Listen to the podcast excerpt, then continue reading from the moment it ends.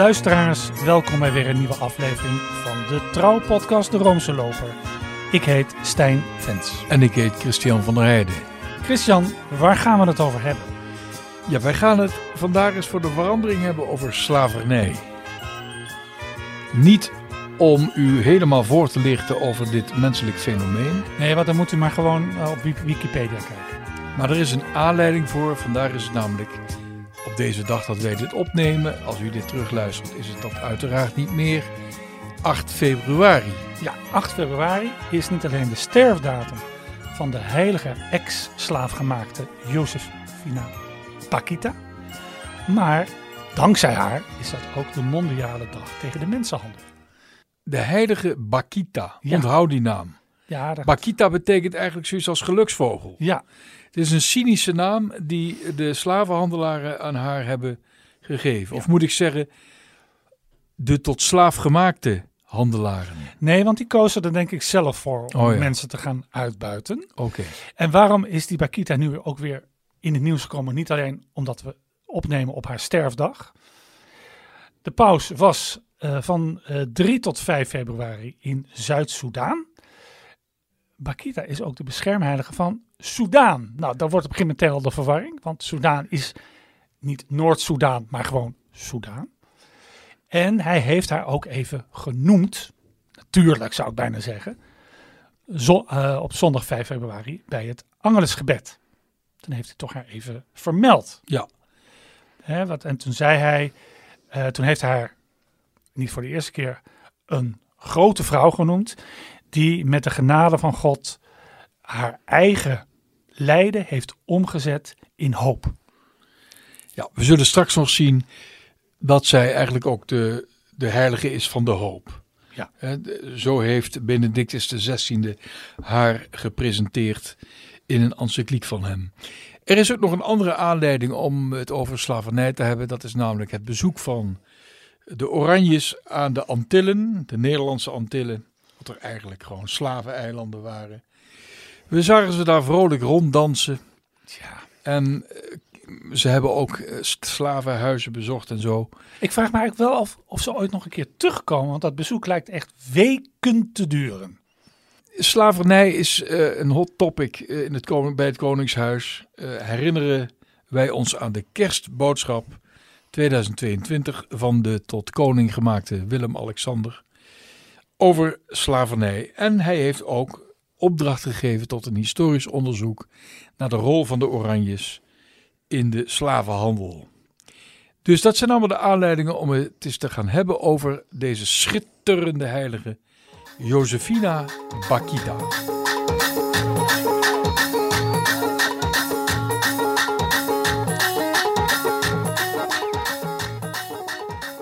Was zij? Nou, een zeer indrukwekkende vrouw, een zwarte vrouw uit Soedan. Ze werd omstreeks 1869 geboren in Darfur. Ja, Darfur is de streek die wij kennen. Dat is, eh, eh, tenminste, eh, de hel op aarde wordt het wel genoemd. Gedeelte van Soedan waar allerlei conflicten zijn, burgeroorlog. Enorm veel slachtoffers, armoede, mensen op de vlucht. Nou ja, inderdaad, de hel op aarde.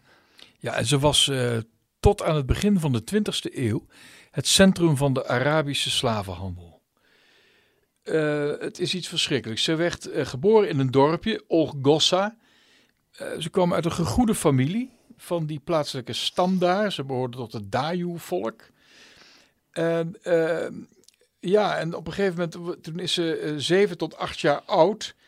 En dan wordt ze gegrepen door Arabische slavenhandelaren.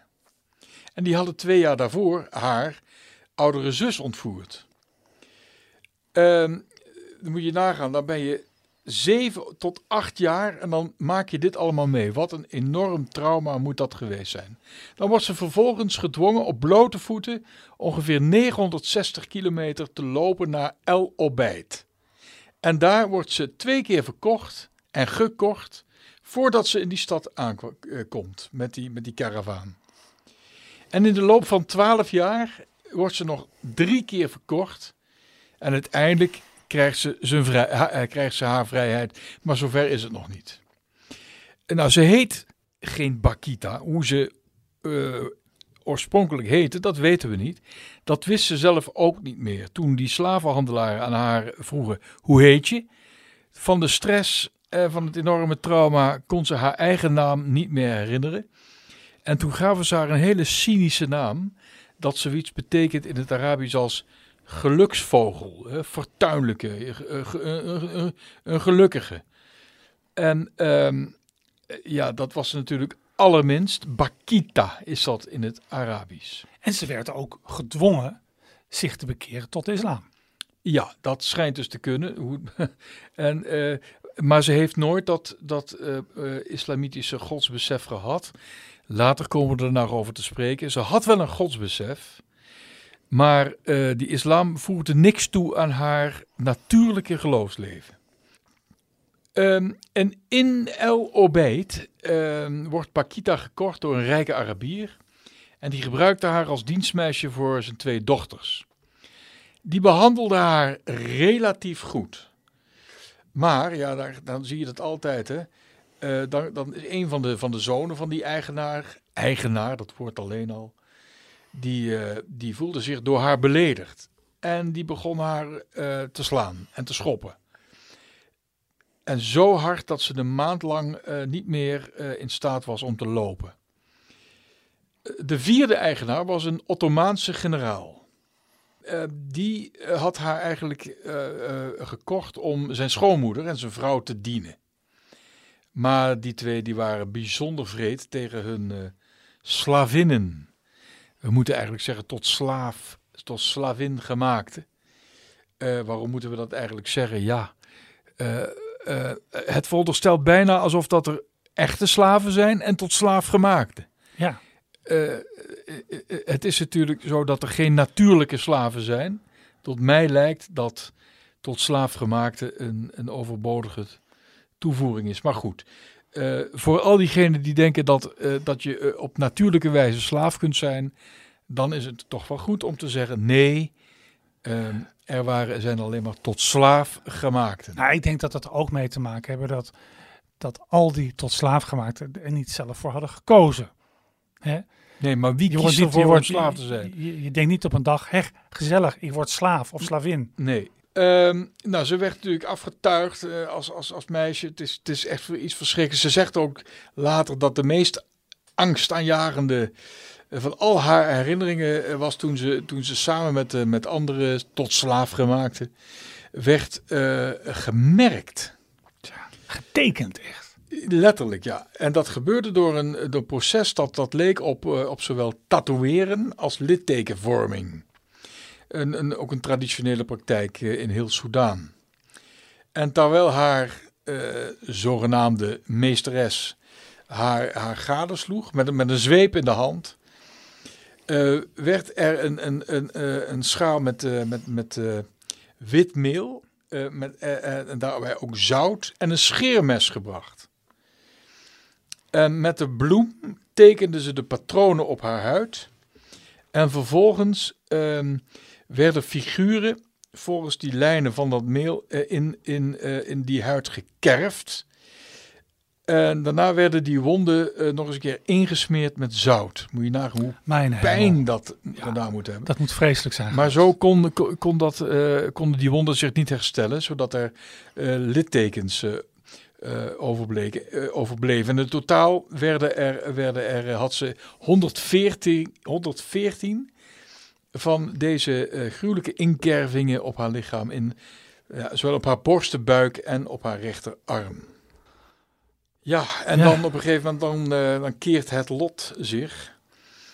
Want ehm, dan eh, wordt El Obeid wordt in 1882 bedreigd door een aanval van Mahdistische revolutionairen. Die nemen het op tegen de gevestigde orde. En de Turken die het daarvoor het zeggen hadden, die begonnen voorbereidingen te treffen om zich het, eh, terug te trekken. En die Turkse generaal, hè, dus de vermeende, of de, dus de, de zogenoemde eigenaar van Bakita, die, eh, die maakte apprentie om terug te keren naar zijn vaderland, naar, naar, naar, naar, naar, naar wat we nu Turkije noemen. En verkocht daarbij al zijn slaven, dus ook Bakita. In 1883 werd Bakita in Khartoum gekocht door de Italiaanse viceconsul Callisto Legnani. En eh, die man die eh, sloeg haar niet en, en strafte haar ook niet. Dus dan had ze het redelijk, redelijk eh, ja, fijn. Nou, dat mag je ook niet zeggen natuurlijk. Maar in ieder geval was het gedaan met, met een mishandeling. Twee jaar later, toen Legnani zelf naar Italië moest terugkeren, smeekte Bakita hem om met hem mee te gaan. En eind 1884 ontsnapte ze met een vriend, Augusto Michieli, uit een belegerd Khartoum. Nou, dit moet echt zo snel mogelijk worden verfilmd, vind je niet? Wat een verhaal zeg. Vervolgens maakten ze een riskante tocht van 650 kilometer op een kameel naar, eh naar Suakin, de grootste haven van Soudaan. In maart 1885 vertrokken ze vandaar naar Italië en kwamen aan in de haven van Genua. En dan denk je, hè, de vrijheid. Maar, Maar, maar. Ja, daar werden ze opgewacht door de vrouw van die Augusto Micheli, Maria, Maria Torina. En wat gebeurde er? Hij, die Legnani gaf Bakita in eigendom aan haar.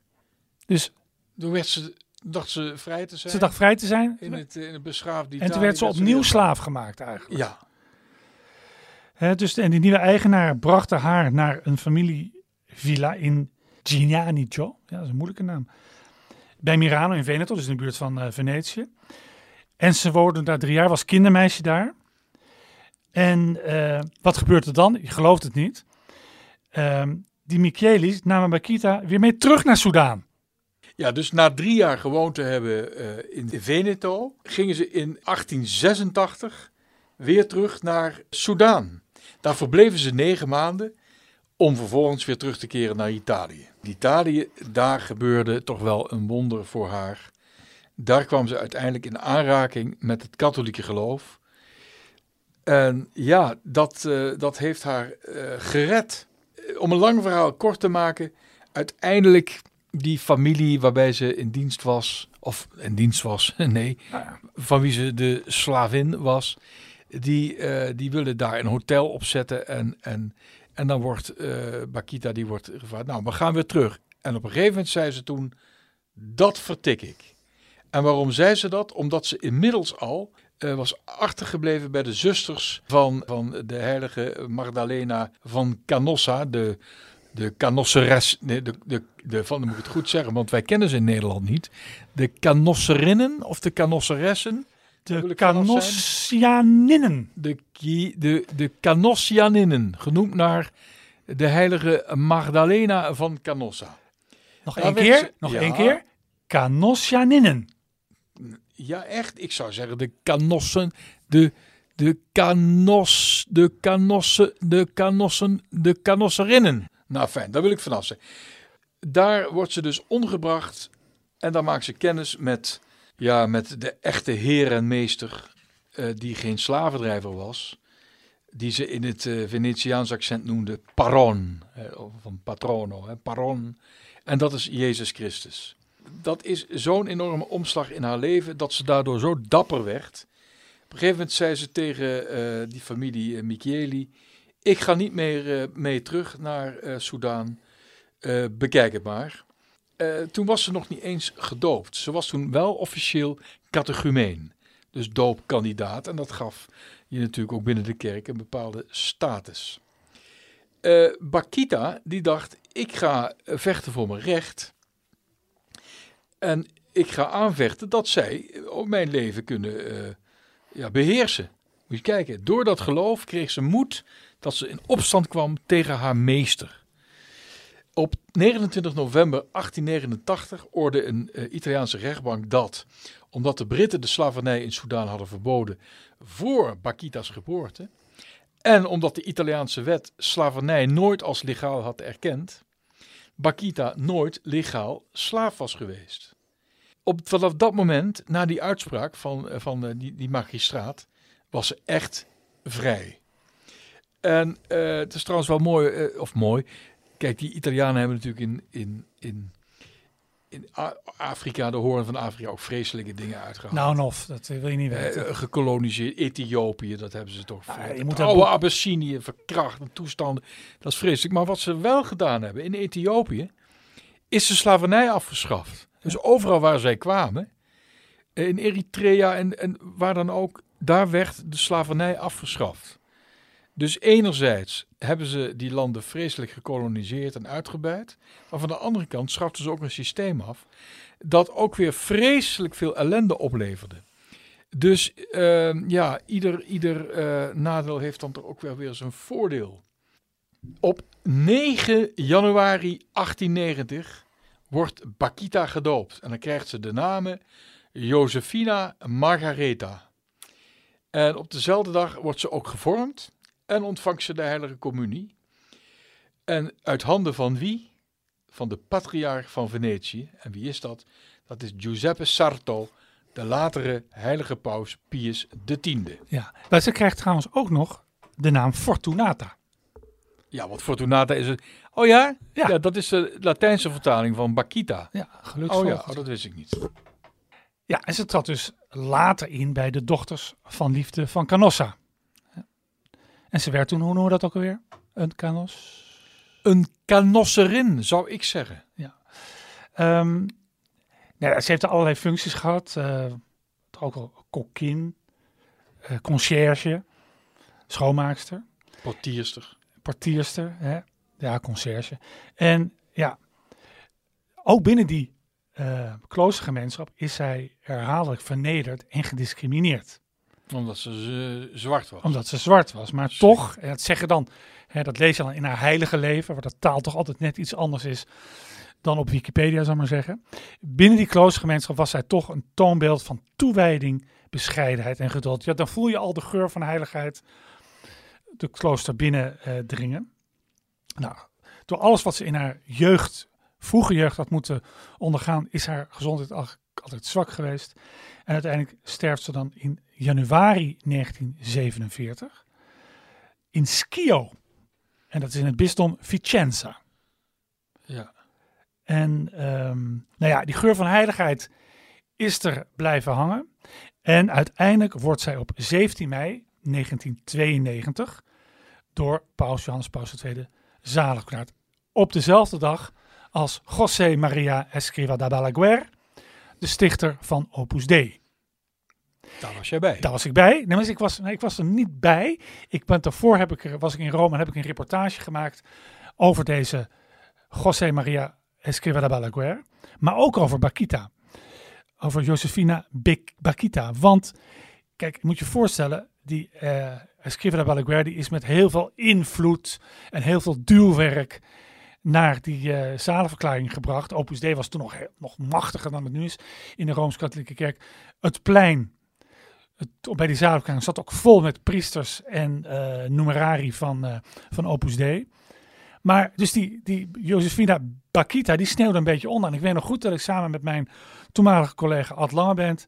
hebben wij een medezuster van haar geïnterviewd op een nog leeg Sint-Pietersplein. En dat was eigenlijk de vraag van, ja, iedereen heeft het over over Escriva. Maar waar, waar blijft Bakita? Nou, dat, dat, zij is nou dat allemaal mee zou vallen. En ehm Escriva is in recordtijd, eh, heeft hij dus de, status van zalige bereikt. Maar ook met Bakita is het vrij snel gegaan. 1992 zalig verklaard. In 2000 door diezelfde Johannes Paus II heilig verklaard. Met haar is het eigenlijk ook wel heel erg snel gegaan. In 1992 zalig verklaard. En in 2000 in het heilig jaar heilig verklaard door Paus Johannes Paulus de tweede, de eerste heilige van Soudaan. En dat vind ik het, toch het aardige van die Rooms-Katholieke Kerk. Ja, een- zo'n escriva die wordt geholpen met geld, met invloed. Bakita niet. En die is toch heilig geworden. Dat, Ja. Die is toch erkend. Men vroeg haar, wat zou je nou doen als je nu die, eh, die, die, die slavenhandelaren eh, tegenkomt die jou zo verschrikkelijk hebben behandeld? Die jou het leven zo zuur hebben gemaakt. Wat zou je doen? Toen zei ze, ik zou hen de handen kussen uit dankbaarheid, want dankzij hen ben ik christen geworden en uiteindelijk religieuze. Kijk, dat zijn de echte heiligen. Dat zijn echt de heiligen. Bemint ja. uw vijanden. Ja, Geen wraakgevoelens, niets. 114 wonden waren het, hè? Hon, ja, eh, dus eh, zij is eh, als heilige controversieel, zoals nee, anderen wel. nee, nee, nee, nee, nee, nee. Ja. En dat terwijl de katholieke kerk, als het gaat om slavernij, ook toch een niet al te schoon verleden heeft. Ik vroeg me eigenlijk af, Christian, maar misschien weet jij dat. 2000 is ook na, de- het jaar van het mea culpa, het grote mea culpa van Johannes Paus II in de Sint-Pieter. Weet misschien, dan loopt hij zo heel langzaam op dat grote grote kruisbeeld af en kust de voeten van Christus. Heeft hij tijdens dat mea culpa ook zijn mea culpa uitgesproken, zijn schuld beleden als het gaat om de houding van de kerk ten opzichte van slaafgemaakten? Nou, het, het, hij heeft nooit zijn excuses aange- aangeboden voor handelingen van de kerk, Ja, maar voor de handelingen van zonen van de kerk. ja dat, Dat is is, toch iets even iets dat anders. is even iets anders dan maar hij heeft maar alles bij ingesloten. eh, eh, ik denk Ja. ook eh, aan, de, aan de, al die bijdragen aan de slavernij. Maar de kerk heeft natuurlijk ook heel veel bijdrage geleverd aan de afschaffing van de ja, slavernij. toch wel? Jazeker. Alleen, ja, weet je wat het is? Ehm, het christendom eh, in de antieke tijd bestond voor een groot deel, althans eh, in, de, in, de, in het Romeinse Rijk, ook uit slaven.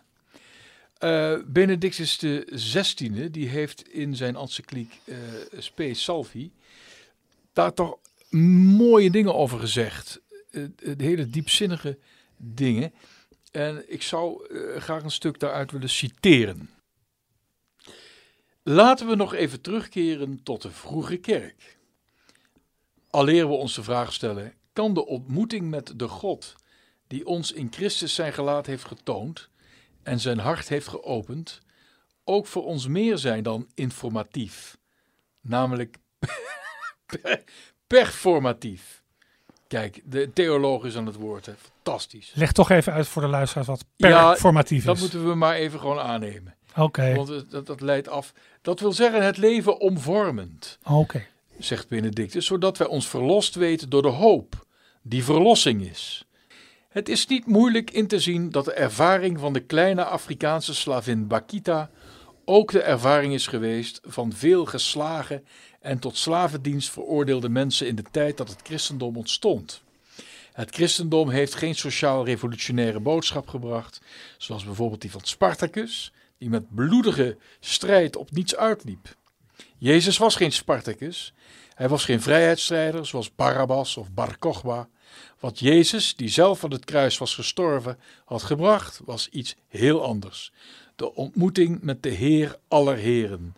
De ontmoeting met de levende God en al dus de ontmoeting met een hoop die sterker was dan het lijden van de slavernij en daarom het leven en de wereld van binnenuit omvormde. En dan is het interessant, eh, dan eh, gaat Benedictus XVI eh, naar een van de brieven van het Nieuwe Testament, namelijk de brief aan Filemon. Een zeer persoonlijke brief die Paulus in de gevangenis schrijft en de weggelopen slaaf Onesimus voor zijn heer Filemon meegeeft.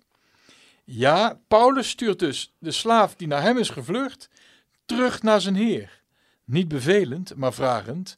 Mijn verzoek geldt, het kind dat ik hier in de gevangenis heb verwekt, natuurlijk als gelovige, ik bedoel Onesimus, ik stuur hem terug naar u en met heel mijn liefde, misschien was dat wel de reden waarom hij een tijd lang bij u is weg geweest, dat ge hem voor goed terug zoudt krijgen. Nu niet meer als slaaf, maar als veel meer dan een slaaf, als een geliefde broeder.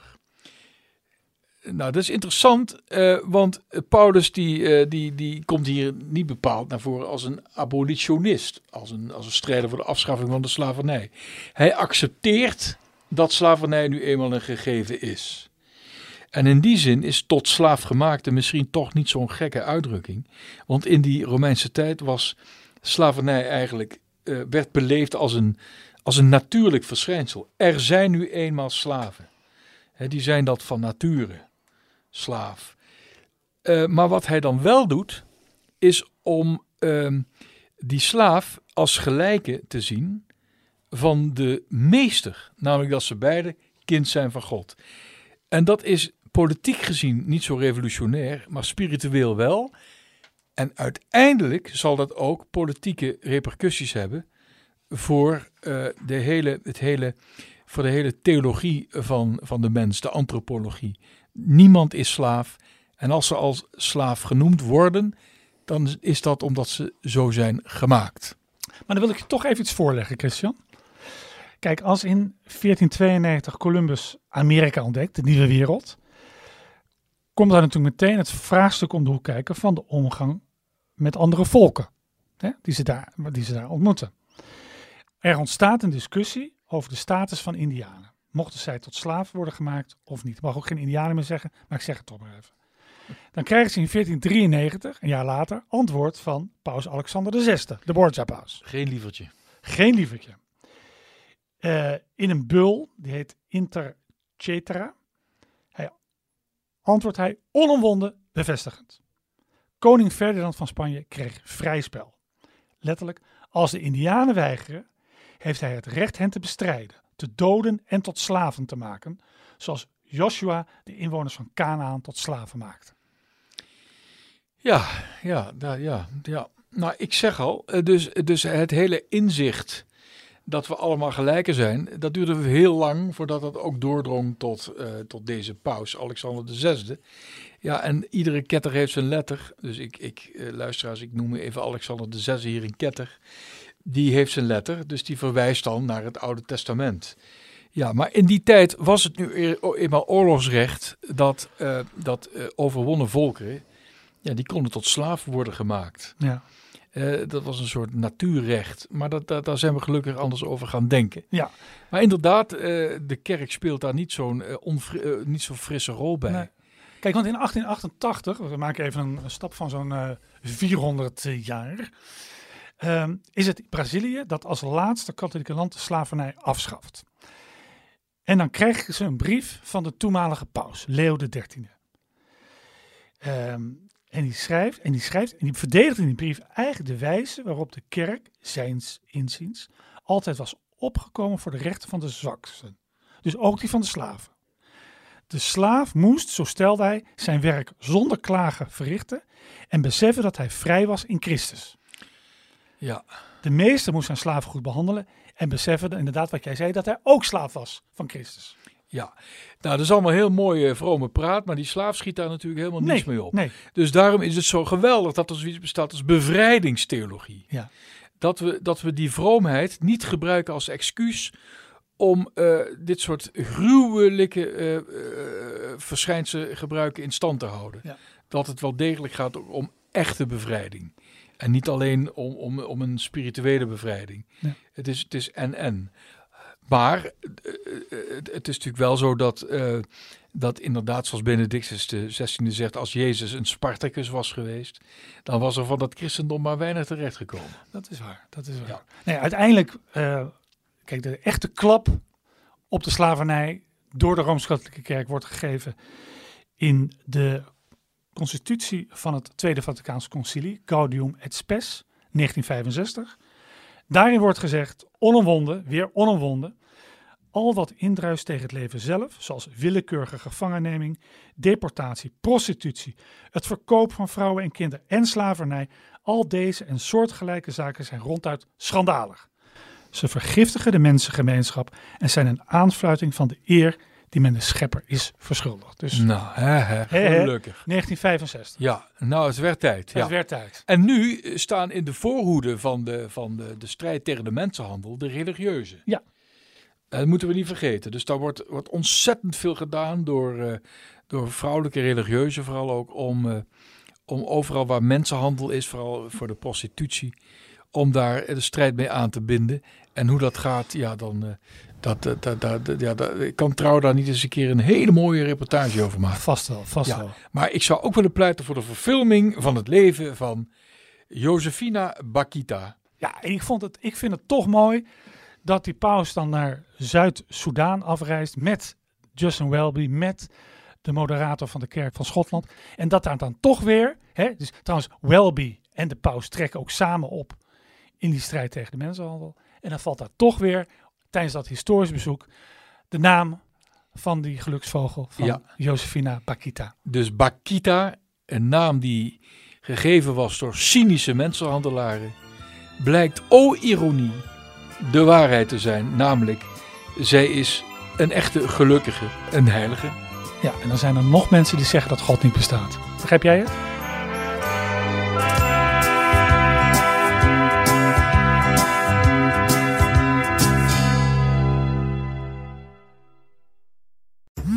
Worden dagelijks overladen met overbodige informatie. En het is moeilijk de zin van de onzin te scheiden. Daarom vertrouw ik op echte journalisten in plaats van meningen. Een krantenmens heeft het gemakkelijk. Word ook een krantenmens en lees je favoriete krant nu tot al zes weken gratis. Ga snel naar krant.nl. Bezorging stopt automatisch en op deze actie zijn actievoorwaarden van toepassing.